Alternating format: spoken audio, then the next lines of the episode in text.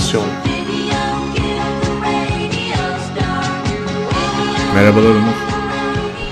Mahir. Merhaba. Merhaba. Evine hoş geldin. Hoş bulduk evet. Biraz önce vardım New York'a. Ee, Midwest'teydim. Minnesota'da. Ee, her sene gittiğimiz bir konferans var ona gitmiştim yine. Ama tabii e, aklımız ve kalbimiz Türkiye'de yani bir süredir. Hiç uzun süredir olmadığı kadar. Yani bedenin e, Amerika'nın ortasında ama kalbin Türkiye'de mi atıyor? Evet biraz öyle ve e, şu an sanırım ben dahil olmak üzere yurt dışında yaşayan bir sürü Türk fahri temsilci gibi İstanbul'da ve Türkiye'de olan olayları açıklıyor insanlara. Yani ben 8-9 kişiye açıkladım yani ne olduğunu. İnsanlar artık yani o ilk baştaki dünyaya duyurma şeyi tamamen bitmiş durumda. Yani herkes duymuş durumda. en azından yani belli bir kitle. Peki madem duydular hala niye açıklıyorsunuz? E, çünkü biraz sürreel bir gelişimi var olayların. İnsanlar yani gerçekten ağaçlar yüzünden işin bu noktaya gelmesine biraz şaşkın durumdalar. ya arkada başka bir motif aramaya çalışıyorlar.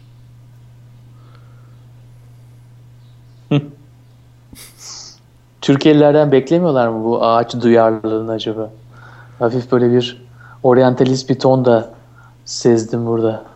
Yani aslında benim konuştuğum insanların büyük bir kısmı iki tanesi bu arada Türkiye'ye geliyor önümüzdeki 2-3 hafta içinde. Yani daha önceden planlamışlar ama e, şu anda daha da heyecanlılar yani. Özellikle e, Atlantik'te bir makale çıktı. Zannediyorum dün e, Gezi Parkı'ndan fotoğraflar yayınlandı. E, yani böyle ütopik bir şehir hayatı yaşanıyor şu an orada. En azından fotoğraflardan görülen o. Ben geçen hafta konuştuğumuz zaman sana cumartesi günkü görünümü aktarmıştım. Hı hı. Sanıyorum senin endişeli olman tabii normal yurt dışında olduğun için. Benim e, genel iyimserliğimin yanında o günkü gözlemlerim olumlu gözlemlerdi. Cumartesi e, polis çekildikten sonra Taksim'deki gözlemler. E, bir yılbaşı gecesini anladığını söylemiştim. Bir e, deprem sonrası insanların birlikteliğini anımsattığını söylemiştim. E, sonuçta ondan sonra geçen 8 gün e, gün ve gün artık bir panayır yerine dönüştü. Bir bayram yerine dönüştü. Ee, aynı zamanda bir ticari bir yere de dönüştü biliyorsun. 5 evet. yıldır Beyoğlu'nda doğru dürüst e, seyyar satıcı göremiyorduk. E, artık her yer seyyar satıcı dolu. Midyeciler var. E, midye dolmalar, karpuzcular var. Taksim meydanın ortasında bir tane karpuzcu var. Benim favorim maskeci abi. maskeci. Mas maskeleri üretip V4 Vendetta'daki maskeleri Anonymous'un meşhur ettiği maskeleri üretip. Evet. Guy, Guy House maskeleri. Hmm. Yani bu Türkiye'deki ekonomiyi çok çabuk hızlı bir şekilde şekillendirebilme yeteneği inanılmaz yani. Hani nasıl bir kriz gelirse gelsin sanki halk olayı çözer gibime geliyor. Bir de bir taraftan da biliyorsun yani bu gelişmekten olan ülkeler zamanla biraz daha yasalar yerine oturmaya başladıktan sonra belli ticari alanlar kısıtlanmaya başlıyor. İşte diyorlar ki seyyar satıcılık artık yasaktır ancak bizden izin alırsanız belli insanlara bunu vereceğiz. Hı hı. Ee, onun için bu tür son 8 gündür yaşanan bir e, denetim boşluğu diyelim. Yani Taksim ve civarında herhalde e, bir bir tek polis veya bir tek zabıta memuru gören olmamıştır son 8 günde. Böyle bir boşlukta e, o bütün kısıtlanan, o bütün gelişmekte olan ülkede e, işte yeni regülasyonlarla, yeni e, e, kanunlarla kısıtlanan e, insan hürriyetleri ve ticari hürriyetlerde bir anda kendilerini buldular. E, ortak bir arkadaşımızla bugün konuşuyordum Mahir ve kendisi dedi ki işte metrobüste onların yaşadığı e, şeyden kağıthane tarafından seyyar satıcıların metrobüste olduklarını görmüş. Yani metrobüse biniyorlar seyyar satıcılar. Hepsi Taksim'e doğru hareket ediyorlar. Hı hı. Satışlarını yapmak için. Çünkü şu anda hani polisin veya zabıtının olmadığı İstanbul'da tek yer Taksim. İşin ilginci o. E, bu arada genel olarak benim takip ettiğim uzaktan e, Taksim'de böyle bir ütopik şehir hayatı varken İstanbul'un başka yerlerinde ve özellikle Ankara'da hala çok ciddi bir şiddet var. Sence şiddet bu enerjiyi ortadan kaldırabilecek mi Onur? Hangi enerjiyi? Ya bir enerji var gibi hissediyorum ben. Yani bu bütün bu olayın başından beri hani herkesin belki derdi 3 aşağı 5 yukarı farklı ama bir ilginç bir şekilde artık bir bıkmışlık ve bu bir şeyleri değiştirebilmenin inancı var insanlarda. Bu da bir enerji yani bence. Yani nasıl tanımlıyor? Yo anladım anladım. Ama bunu bu enerjiyi değiştirebilecek mi diyorsun? Yani şiddetin varlığı bu enerjiyi değiştirecek, yok edecek anlamında değiştirecek mi? Ha, bastırabilir daha... mi yani? E, işte yangını söndürebilir mi derler ya hani. Mümkün değil. Bana da öyle geliyor. Sanki daha da destek oluyor aslında bu şiddet durumu. Tarih boyunca her zaman destek oldu. Bu sefer de aynı şekilde olacak. Daha fazla şiddet gelirse bu enerji daha da artacaktır. Çok acayip fotoğraflar. Ee, bu arada birkaç tane ufak anekdot anlatayım. Ee, bir takım isim vermeden aldığımız kaynaklardan. Occupy Gezi Pics.tumblr.com sitesi şu anda Tumblr'ın en çok trafik alan sitelerinden biri. Çok ciddi bir trafiği var yani hani böyle meşhur bloklar gibi değil de daha New York Times'a yakın bir trafik bile olabilir. Ee, bir sürü site çıktı. Bir sürü yayın var. Ya böyle acayip bir e, self publishing kültürü oluştu Türkiye'de bir anda. İnsanlar duvarlara yazı yazabildiklerini keşfettikleri için herhalde son bir haftadır bin tane birbirinden farklı çok neşeli, çok esprili ve çok akıllıca yazı gördük. Bunların toplandığı e, siteler oluşmaya başladı. Yani bu böyle bu enerji böyle giderek daha kreatif bir şeylere dönüşüyor gibi hissediyorum ben. Sen de aynı şeyi düşünüyor musun? Yani böyle bir takım e, internet üzerinden görülen elle tutulur şeyler var. BuzzFeed'e çıktı bu yazıların bir kısmı. Yani çok gerçekten bütün global dünyayı kapsayan bir vibe oluştu diye düşünüyorum ben. Evet ve ilerici bir vibe yani ilerici bir titreşimden bahsediyorsun. Yani dünya üzerinde daha önce gerçekleşmiş baş kaldırıları tekrarlayan bir şey değil bu. Aksine bundan sonra olabilecek e, ayaklanma, baş kaldırı, kendini ifade etme yöntemleri arasında ilerici. Çünkü dünya üzerinde bence e, bunun yaşandığı bu tür bir şey daha önce yaşamadık biz. E, ben de aynı şekilde. Bu kadar iyi getireceğim ve bu, bunu söyleyeceğim burada. Çünkü birçok anlamda e, örnek vermeye kalkışırsan işte biliyorsun artık ağızları sakız oldu işte Arap Baharı değil Türk Türkiye Baharı. Bunlar biraz e, gerçekten de hafif kalıyor. Hı. Şu an Türkiye'de olan olaylar özellikle e, İstanbul'da bu Panayır diye tarif ettiğimiz yerde olan Taksim civarında olanlar ve bunun iz düşümleri olan sanal dünyadaki üretim ve mizah ağırlıklı üretim e, gerçekten de biraz da kuşak kuşağı tanımlayan dünya üzerinde belli bir kuşağı tanımlayan bir olay. Onun için e, ülkemizin e, e, Kars, Ardahan'dan Edirne'ye, e, Antalya'ya veya işte Artvin'e ölçebileceğimiz e, bir şey değil yalnızca Mahir. Bunun, bunun üzerinde bir, bir alana doğru taşıyoruz. Bu da anca Anadolu'dan zaten böyle bir şey çıkabilirdi. Yani Anadolu'dan da bu beklenirdi zaten. Yani medeniyetlerin beşiği olan bir yerden bu kadar medeni, bu kadar genç ve bu kadar ilerici bir hareket beklenebilirdi. Evet. Yani gerçekten hani bu e, ne bileyim işte hani 21. yüzyılın olayı bu ya. Brick var. gelişmekte olan hani biz bunu çok tartıştık zaten bu kelimeleri. Gelişmekte olan ülkelerin yükselişi.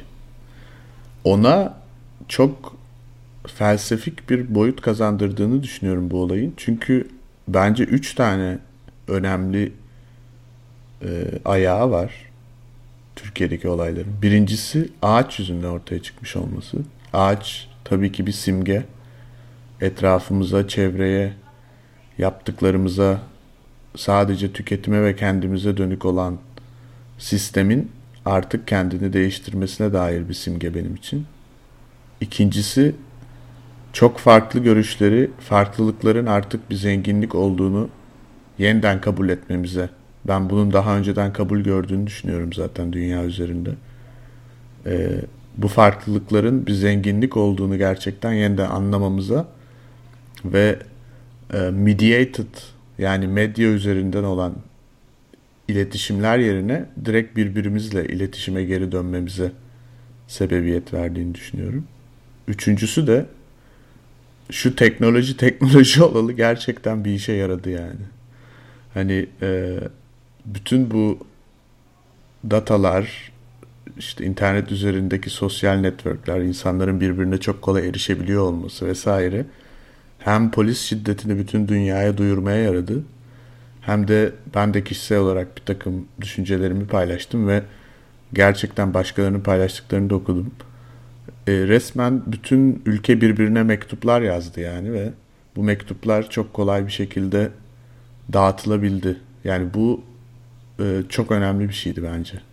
Bu üç ayak yüzünden ve en önemlisi şiddet olmaması yani hala bir e, kontrollü bir şekilde barışçıl olmaya çalışıyor olması herkesin. E, bence gerçekten bu çağın protestosu bu olmalı yani. Hani insanlar yazmalı, okumalı, çevreye dönmeli ama var olan teknolojik altyapıyı da bu amaçları doğrultusunda kullanmalı. Ve bunu yaparken de bu amaçları doğrultusunda kullanırken de üzerinde olan koşullar çok önemli. Yani baskının fazla olması esas da burada yaratıcılığı körükleyen en önemli nedenlerden bir tanesi. Çünkü biliyorsun biz burada bir ekonomi teknoloji podcast yapıyoruz. Ee, ekonomi biliminde de hani en bilindik e, tanımlardan birisi de nedir? E, kısıtlı koşullarda daha fazlayı elde etmek değil mi? Yani Hı-hı. koşullar bir şekilde senin ifade tarzını belirliyor burada. Ee, iktisat biliminde işte sınırlı olanakların olduğu için daha fazla elde etmeyi et, elde etmeye çalışırken daha üretici olmaya başlıyorsun. Daha verimli hale geliyorsun. Çünkü biliyorsun ki günün sonunda 24 saatin var. 48 saat olmuyor bir gün değil mi? Hı hı. Şimdi burada da baskının yıldan yıla kendini artırması bizim için verilmiş en büyük fırsatlardan bir tanesi oldu ve kendimizi bu şekilde ifade etmemizin de nedenlerinden bir tanesi baskının bu varlığıdır ve zamanla ilerleyen halidir. Ondan dolayı eğer teşekkür edeceklerimiz varsa bu sonu 10 gündür olan e, yaratıcı e, şelaleye eğer bir teşekkür edeceksek bunun nedenlerinden en büyüğü de bu koşulları yaratan e, baskının kendisi ve baskı yaratan insan insan ve diğer insancıklardır.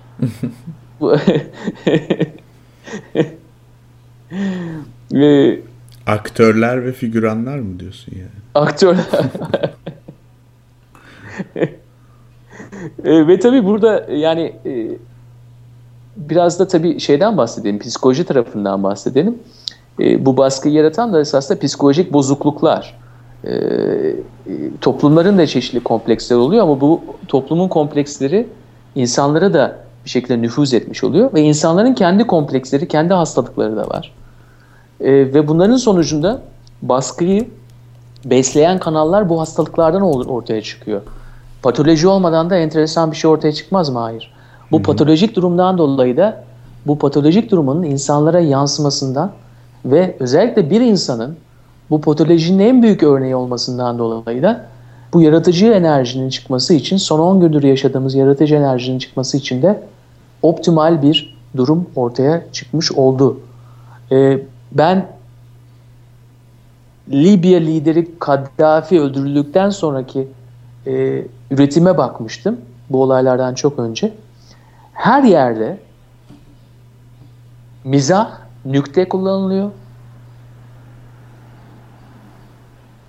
Adamı türden türe sokuyorlar. Palyaço kılığına sokuyorlar, şey kılığına sıkıyorlar. Ee, yani o kadar kılıktan kılığa sokmuşlar ki 30-35 yıllık bir baskıdan sonra o küçük ülke kendini ifade etmek için ondan sonraki 6 ay veya 1 yılda bir anda mizah ve nükteyi artık materyal şekle sokmaya başlıyor. Daha önce yapamadığını yapıyor. Biz bunun farklı bir seviyede son 10 günde bunu yaşadık. Özellikle dijital üretimle yaşadık bunu. Hı hı. Bu son 10 gündeki dijital üretim benim için çok önemli Mahir. O pankartlar da çok önemli. O pankartların e, dijitale düşmüş halleri de çok önemli ama dijital üretimin kendisi ve onun içerisindeki mizah da çok önemli. Hani geçen hafta dediğim gibi Türkiye'li olmaktan gurur duymamın da bir nedeni odur. Sokaklarda olanlar yanında o sanal dünyada olan mizahla bezenmiş içerik üretimidir. Çok katılıyorum sana ve işin ilginç tarafı ilk başta sanıyorum ufak bir kar topu gibiydi. Şimdi çığ etkisine dönüştü.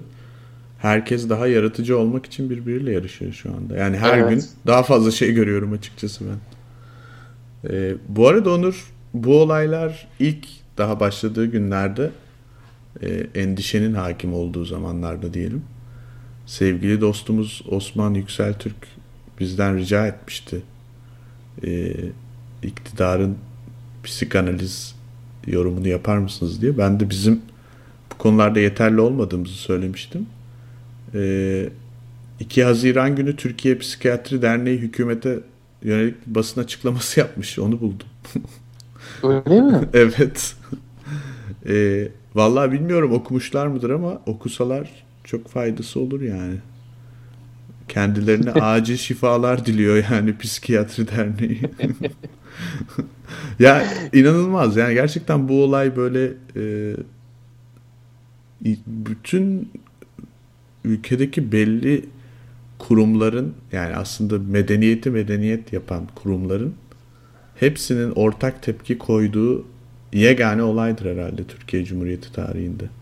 Yani doktorlar, öğretmenler, ya hatta bazı yine insider bilgiler İstanbul'dan alıyoruz. Hani kim olduğu ya da nasıl olduğu önemli değil ama gerçekten doğru olduğu önemli.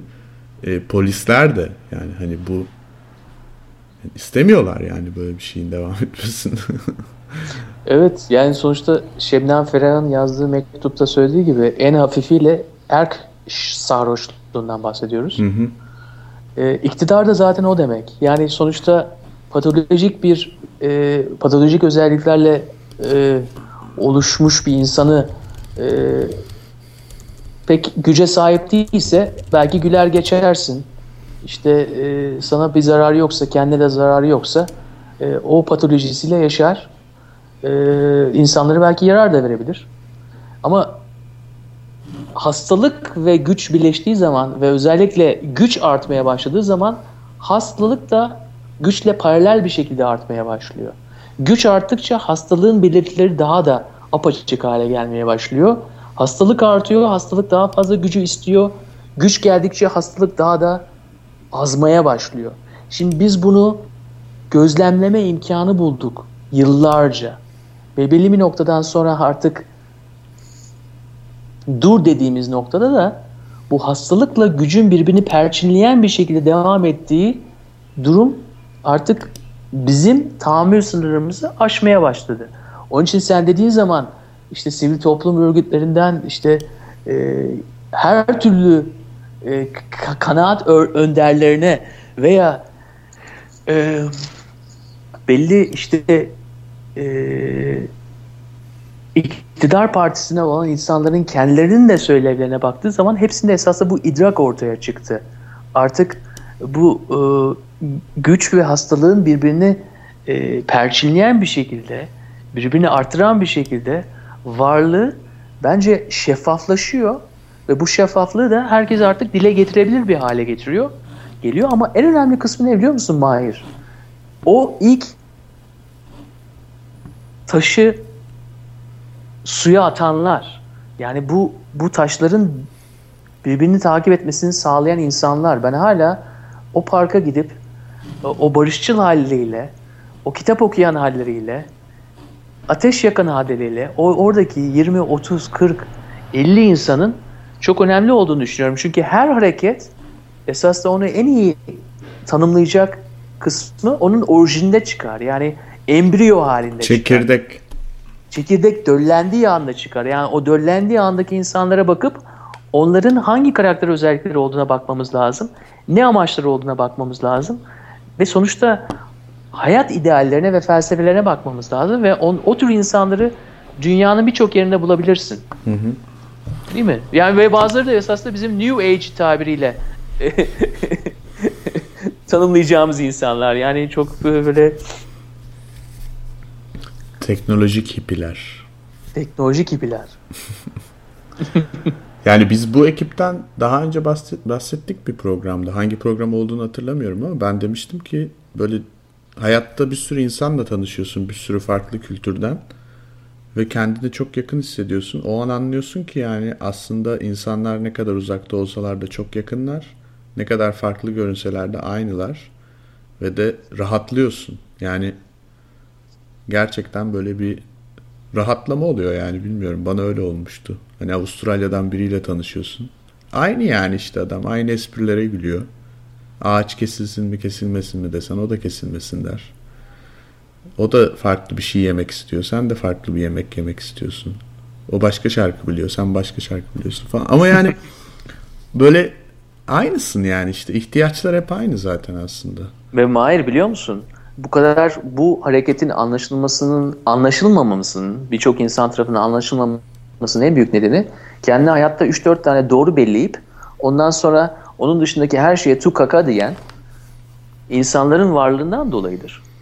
Yani sonuçta sen biraz önce bahsettiğin işte bu dijital e, teknolojik hippilik, işte değişik kültürlerden değişik yemeklere açık olma e, gibi dünya içerisinde dünya ile dünyanın enerjileriyle bir olma, oradaki insanlarla irtibat içerisinde olma bir tarafa hayatında 3-4 tane doğru belirleyip bunların peşinde koşup başka hiçbir şeyi bellemeyen insanlar arasında olmak başka. Şimdi burada bir sözü sana vermeden önce bir parantez antiparantez yapmak istiyorum. Burada yalnızca daha önce yurt dışına çıkmamış, diğer kültürleri görmemiş, e, belli muhafazakar tipli insanlardan bahsetmiyorum. Bunlar da aralarında olabilir. Ve onların arasında da dünyada görmediğin kadar insaniyete sahip sana en büyük dersleri anlatacak insanlar da vardır. Benim bahsettiğim insanlar aynı zamanda yalnızca hayatı kar olarak görüp karın peşinde koşup kendine en fazla biriktirmeye başlayıp kullanım değerini en fazla kendi bedeninde biriktirmeye başlayıp gücü, parayı, erki, iktidarı ne şekliyle olursa olsun yalnızca kendine saklayan insanlar. İşte bunlar da 3-4 tane doğruyu hayatta e, kapsayıp onun dışında hiçbir şeyi kabul etmeyen insanlar. E, tabi biliyorsun ki son 10 gündür de protestoları yalnızca bu bir siyasi protesto değildi, bir ticari protestoydu. Onun için de e, bu 3-4 doğruyu belleyip e, konaklarında oturan e, bazı insanlar da protestolardan nasibini aldı ve en kötüsü ne biliyor musun? Affedilmeyecekler. Hı hı. Ne kadar katıyız değil mi? Bu harekette esasında bir katılık da var. Ama e, ciddiyetin olduğu her yerde böyle bir şey olması normal bence. Evet yani bu mizah esas da bizim cilyetimizden çıkan bir mizah. Evet. Yani ne bileyim işte Aziz Nesinler, diğer başka birçok yazarlar hep demişlerdi mizah kuvvetli olan ülkenin er ya da geç kendisiyle yüzleşmesi ya da işte doğruları bulması mümkün diye. Bayağı doğru buluyorum yani bunu gerçekten mizah mizah bir dürüstlük göstergesi çünkü aslında. Neler olduğunu e, eğlenceli bir şekilde söylüyorsun yani hayatta, etrafta, başka insanların neler yaptığını, kendi içinde yaşadığın durumu orijinal bir şekilde dışa vuruyorsun. Ve bu ciddi bir şey. Yani mizah yapmak o kadar kolay bir şey değil bence. Gerçekten ciddi bir şey ve bu bence bütün dünyanın şu an gördüğü bir şey. Ve bence bu çok özel bir durum. bunun yani biber gazı oley videosunu izledin mi bilmiyorum Onurcuğum ama yani böyle bir şey yok yani biber gazı oley diye taraftarların gönder yani daha fazla ver diyorlar anlatabiliyor muyum hani yani bu, bu sen böyle bir güce karşı böyle bir dirayete karşı biber gazı atsan ne olur tankla topla girsen ne olur yani adam zaten tamam yani başka bir seviyeye çıkmış anlatabiliyor muyum sen onunla e, sistemin ürettiği silahlarla mücadele edemezsin ama benim e zaten hı hı. Yani bir bağışıklık sistemin de dem vuruyor değil mi? Yani artık bağışıklık sistemimiz öyle bir hale geldi ki diyor. Yani biraz da e, çapulcu falan o kelimeyi bilmiyorum ama yani bir kara fatma gibiyiz. Yani bir zor, kolay kolay bizi öldüremezsiniz. Yani evet yani bir everyday am chapeling fenomeni oluştu yani. Yani bu ben geçen hafta yazmıştım. Zuccotti Park'ta Brandley Manning ve Atatürk posterini yan yana gördüm, görmek ve Anonymous'un Twitter hesabından Ulusal TV kanal videosunu paylaştığını görmekten sonra artık dünyanın nasıl bir yer olduğunu daha iyi anladık yani. Evet, evet, evet. O Bu kadar... arada Bradley Manning'in kim olduğunu belki yani çoğumuz Aha. biliyordur ama bilmeyenlere söyleyelim. Bu WikiLeaks'te Hı-hı. bir dakika bu WikiLeaks Amerikan ordusunda çalış- evet. çalışıp WikiLeaks belgelerini sızdıran kişi evet, değil mi? Aynen öyle. İlk şu an yargılanıyor. Evet şu an yargılanıyor. Hatta geçen hafta Amerika'nın da gündemi inanılmaz bu aralar tabii ki. Tabii tabii. Ee, evet. Bradley Manning davası var. Prism ortaya çıktı. Ama bunlar bizim zaten beklediğimiz şeyler. Ben o kadar çok takılmıyorum bu konuya. Yani bu kadar e, kaydedilmiş data varken, bu kadar sildiğimiz şeyin silinmediğini biliyorken evet. e, herhalde Amerikan e, hükümetin de bu datalara bir gün bakacağını tahmin etmek çok zor olmasa gerek. Yani Amerikalılar bazen böyle şeyleri keşfedince şaşırıyorlar ama ben de onların şaşırmasına şaşırıyorum açıkçası. Evet yani tabii o biraz hani bir saflık artık yani sonuçta biz ama bir de diyorlar ki Amerikan vatandaşlarını dinlemeyelim. Hı hı. Yabancıları dinlemek okey ama Amerikan vatandaşlarını dinlemeyelim. Kendi işlerinde o saflık içerisinde yer alıyorlar ama gerçekten de bu hafta boyunca o tür haberleri aldığımız halde yani böyle benim için şey gibi geldi. Yani böyle kulağımın vızıltısı gibi geldi o haberler. Evet. E, çünkü esas aksiyon burada bu topraklarda. Biber gazı e, oley abi. Amerikan hükümetine de bunu demek lazım ya anlıyor musun? Ya o o videoda çok ciddi bir mesaj var.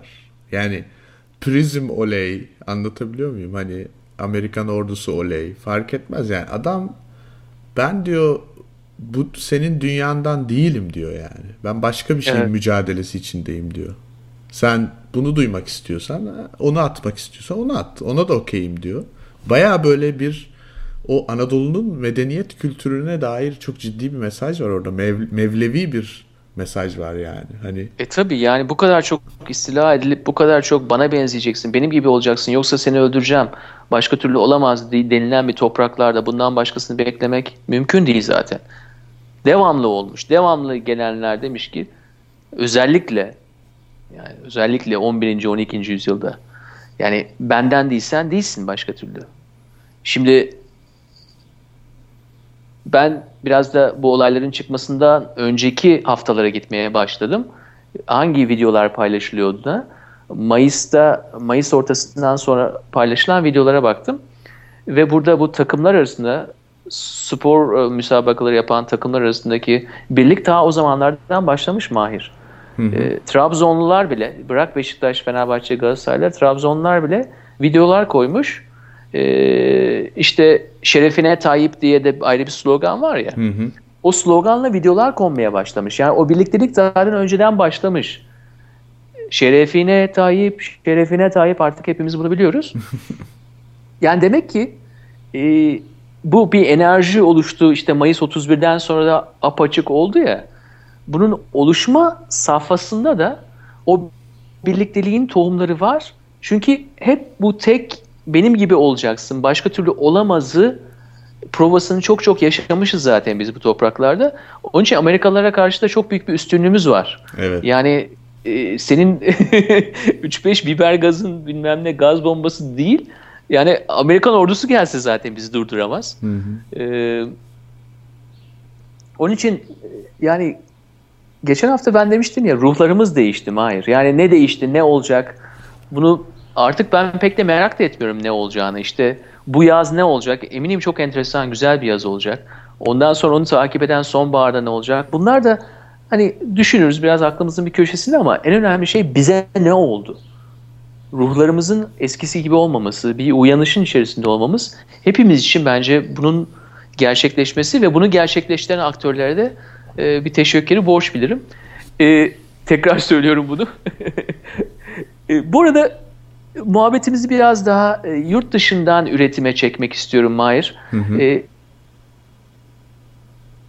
Tayvan'dan gelen videoyu gördün mü? Evet. ne düşünüyorsun? O video oyunu gibi yapılmış birinci instalasyonu çıktı, ikinci instalasyonu çıktı. O videoyu gördüğün zaman ne hissettin? Yani çünkü birçok detaya, bizde olan birçok detaya vakıflar. Bizden aldıkları bilgilerle mi vakıflar? Kendileri mi bu bilgileri toparladı? Nasıl bu kadar kısa zamanda bu kadar güzel bir şekilde anlatabilirler ne olduğunu? Yani o videonun hikayesini tam bilmiyorum aslında kim yapmış, nasıl olmuş ama Tayvan'dan olduğu söylenen bir video var evet. Hepimiz izlemişizdir diye tahmin ediyorum. Ee, ya bence artık dünya başka bir yer ya. Yani o evet. insanlar işte dün festivalin katıldığım festival I.O. Festivali e, dünya çapında generative art, dijital art ve de data visualization konularında uzman insanların olduğu bir festival. Festivalin kapanış konuşmasında e, çok sevdiğimiz değerli dostumuz Engin'in İstanbul'daki izlenimlerini paylaştığı web sitesini gösterdi konuşmacı. Ve çok ilginç bir konuşmaydı Onur. Çünkü e, rakamlar üzerinden biraz bir şeyler anlattı. Dedi ki bir insan hayatı boyunca ortalama dünyayı dört kere dönebilecek kadar yürüyor. Hangimiz dünyayı yürü yani buna buna vakıfız. Bu bizim içimizde var. Yürümeye başlasak dünyayı yürüyerek gezebiliriz hayatımız boyunca. Bir insan iki milyar kere e, zannediyorum 2 milyardan da fazla bile olabilir. Tam hatırlamıyorum rakam ama nefes alıyor. Bu aldığımız nefeslerde ve verdiğimiz nefeslerde ne yapıyoruz? Yani o nefesi ne için alıyoruz? O enerjiyi yakıyoruz ve o enerjiyi nasıl dışarıya çıkarıyoruz? Gibi bir konuşma yaparken İstanbul'dan bahsetti.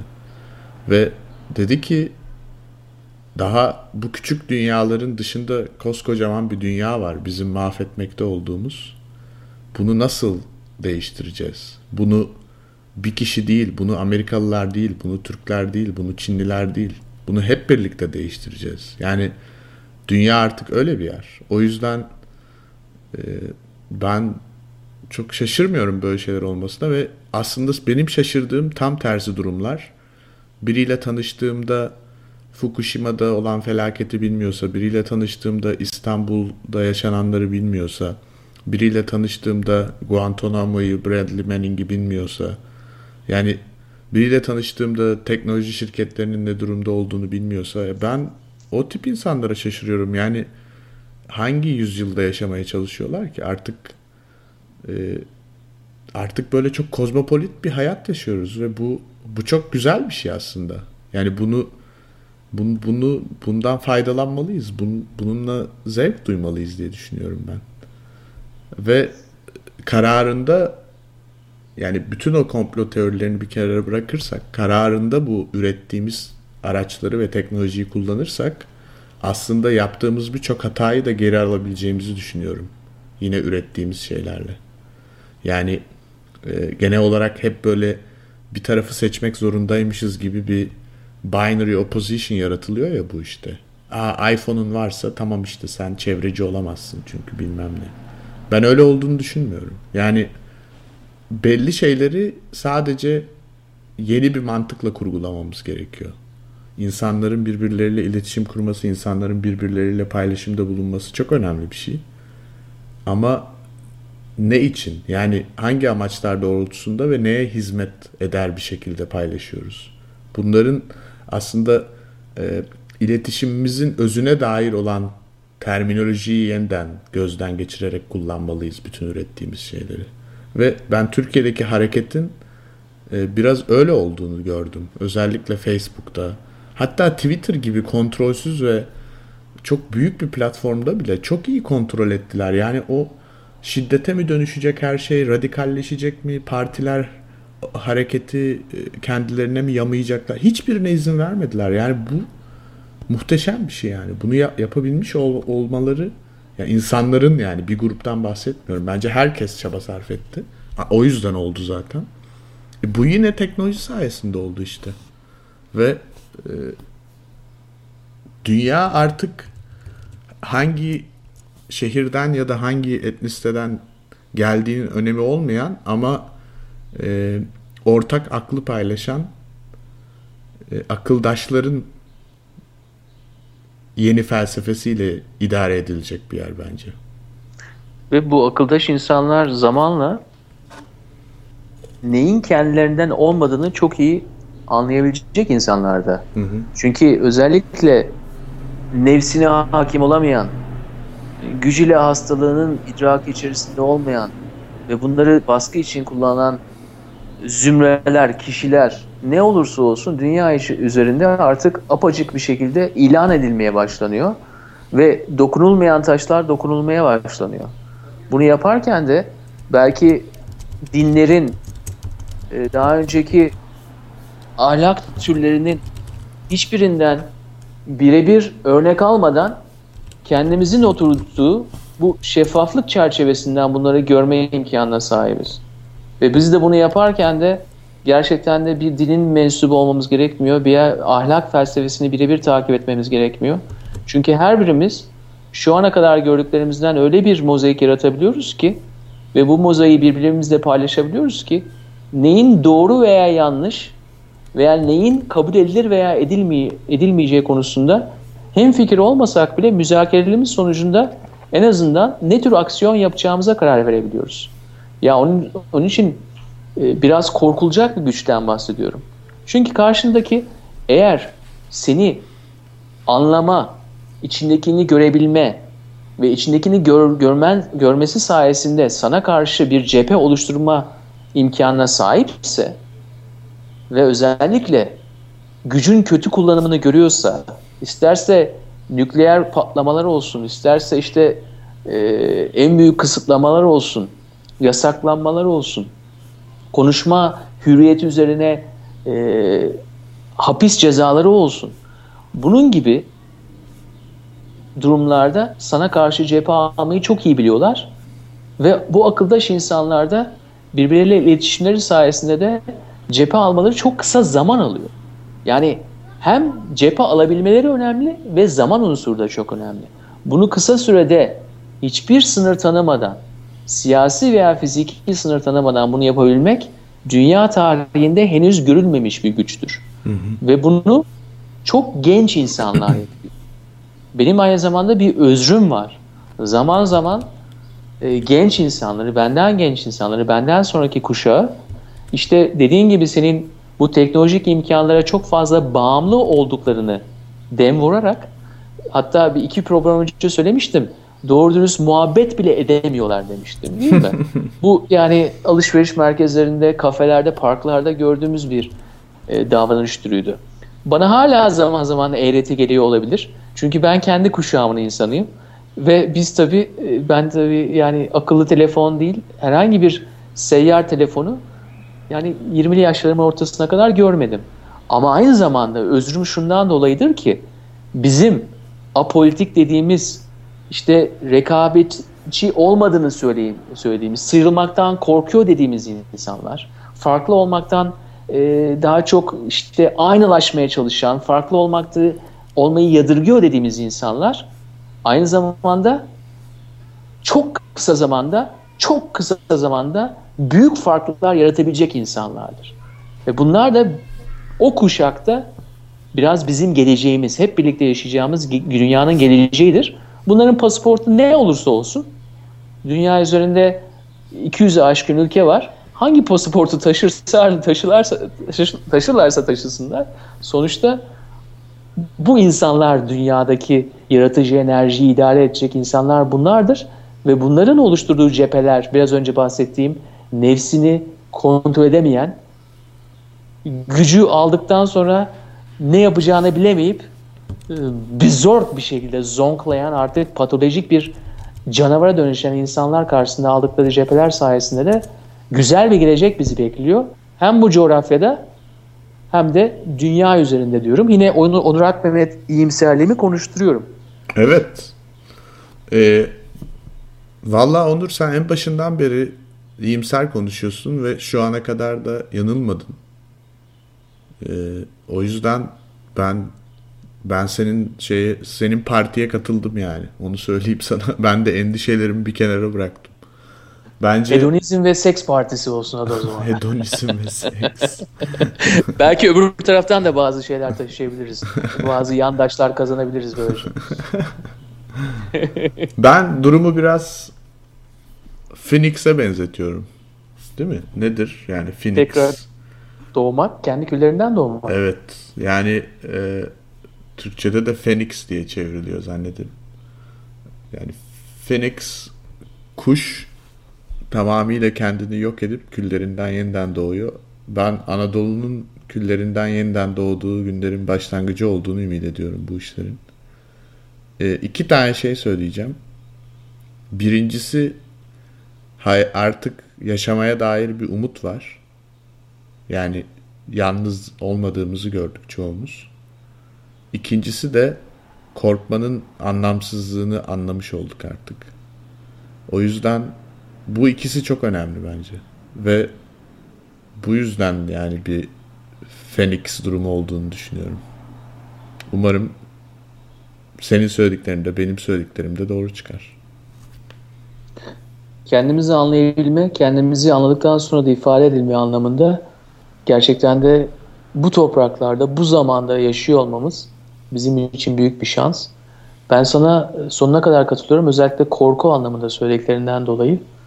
Ee, zaman zaman e, özellikle son yıllarda bu korku içerisinde yaşamış herkese seslenmek istiyorum. Ee,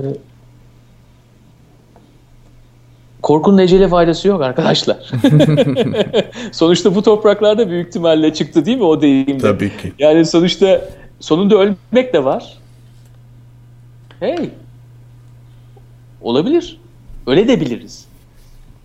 Yani programın bu sonuna geldiğimiz zaman esas o, o konudan da biraz bahsedelim mi Mahir? Hı hı. Biliyorsun işte bizim bunları yaparken neden ödün verebileceğimiz konuşuluyor. Efendim işte bu insanlar 3-5 gün sokağa çıkarlar ondan sonra evlerine giderler, tatile çıkarlar, unuturlar bunu. Bir hevestir geçer diye bir şey söyleniyor değil mi? Söyleniyordur. Tabii canım söylenmez olur mu? Her gün ısrarla söyleniyor zaten. Ama sonuçta yaşam veya ölümden bahsedersek hayatta zaten herhalde doğmak veya ölmek dışında başka hiçbir şey yok. Onun dışındaki rüya içerisinde biz ölümün ne olduğunu bilmiyor muyuz? Yani küllerinden doğan insanlar ölümün ne olduğunu çok iyi bilen insanlardır. Ölmekten korkmayan insanlardır. Fiziksel olarak ölmekten korkmamak var. Her türlü şekilde ölmemek, ölmekten korkmamak var. Onun için korkunun ecele gerçekten faydası yok. Sonuçta ölmek de varsa her türlü anlamda, finansal anlamda, fiziki anlamda, e, ruhani anlamda, duygusal anlamda ne olursa olsun sanıyorum bu Fenixler e, buna hazırlar. Onun için işte bir hevestir diyenler, bir e, işte bir yaza mahsus olduğunu, bir haftaya mahsus olduğunu zannederler. Bence bu yeni e, yeni insanları çok iyi tanımıyorlar. Onun bence. için bence tanıt, onları tanıtmak için de çok iyi bir fırsat. Ee, Anadolu topraklarından bunu tanıtma fırsatı bulduğumuz için de e, gerçekten tekrar tekrar gurur duyuyorum. Aynen katılıyorum Onur söylediklerine. Ee, yani hep biliyorduk Anadolu'nun özel bir yer olduğunu ama artık daha da iyi biliyoruz neden öyle olduğunu. Seni sevgi ve saygıyla selamlıyorum sevgili Mahir. Biber gazı oley diyorum ben de sana. Biber gazı oley diyorsun. ben de o zaman şöyle bitireyim. Ee, sanıyorum bir e, pankart varmış bir yerde şey hakkında. Biliyorsun yaz sezonu sünnet sezonudur. ee, sünnet sezonu olduğu için de bedava sünnetleri e, reklam edilen bir e, pankart varmış e, mahallelerimizin bir tanesinde. Üzerine de tabii grafiti yerleştirilmiş. Grafitide şu yazıyor. Diren pipi. O zaman bu noktada bitirelim.